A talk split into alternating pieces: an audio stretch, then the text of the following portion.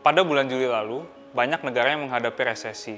Hal ini disebabkan oleh pandemi COVID-19 yang hingga saat ini masih belum ada obatnya. Lalu bagaimana dengan Indonesia? Meskipun hingga saat ini kita masih belum menghadapi resesi, namun sudah banyak orang yang bersiap untuk menghadapi hal tersebut. Pada kesempatan hari ini di Danamon Financial Friday, kita akan membahas mengenai pengertian dari resesi itu sendiri bersama dengan saya, Stefanus Basuki. Secara umum, resesi dapat diartikan sebagai suatu kondisi di mana suatu negara mengalami pertumbuhan ekonomi yang bernilai negatif pada dua kuartal berturut-turut dalam satu tahun.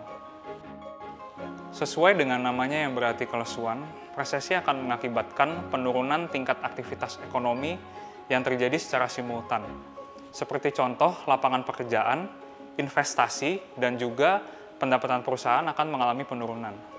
Hal ini akan berdampak terjadinya PHK massal di perusahaan-perusahaan, yang tentu saja akan mengakibatkan terjadinya penurunan daya beli masyarakat, yang tentu saja akan berimbas pada penurunan pendapatan perusahaan.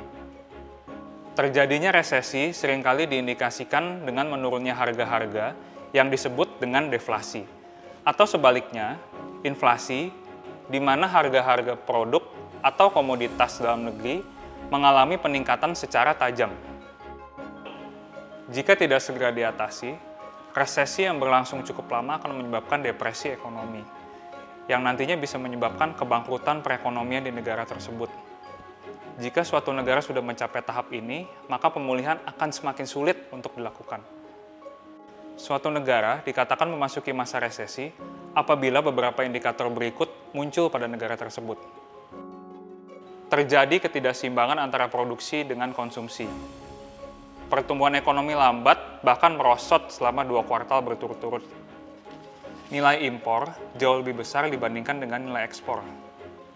Terjadi inflasi atau deflasi yang sangat tinggi, tingkat pengangguran yang tinggi.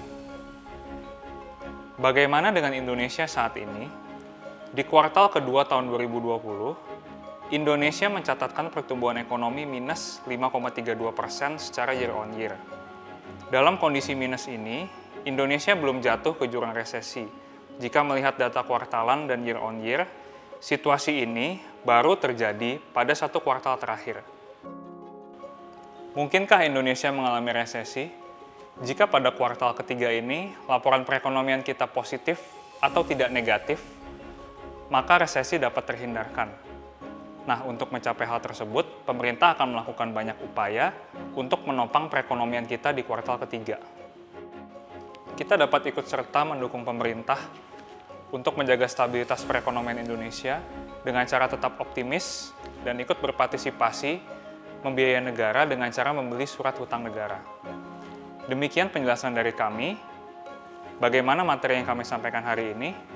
Sampaikan pendapat Anda agar kami dapat menghadirkan materi yang lebih baik lagi.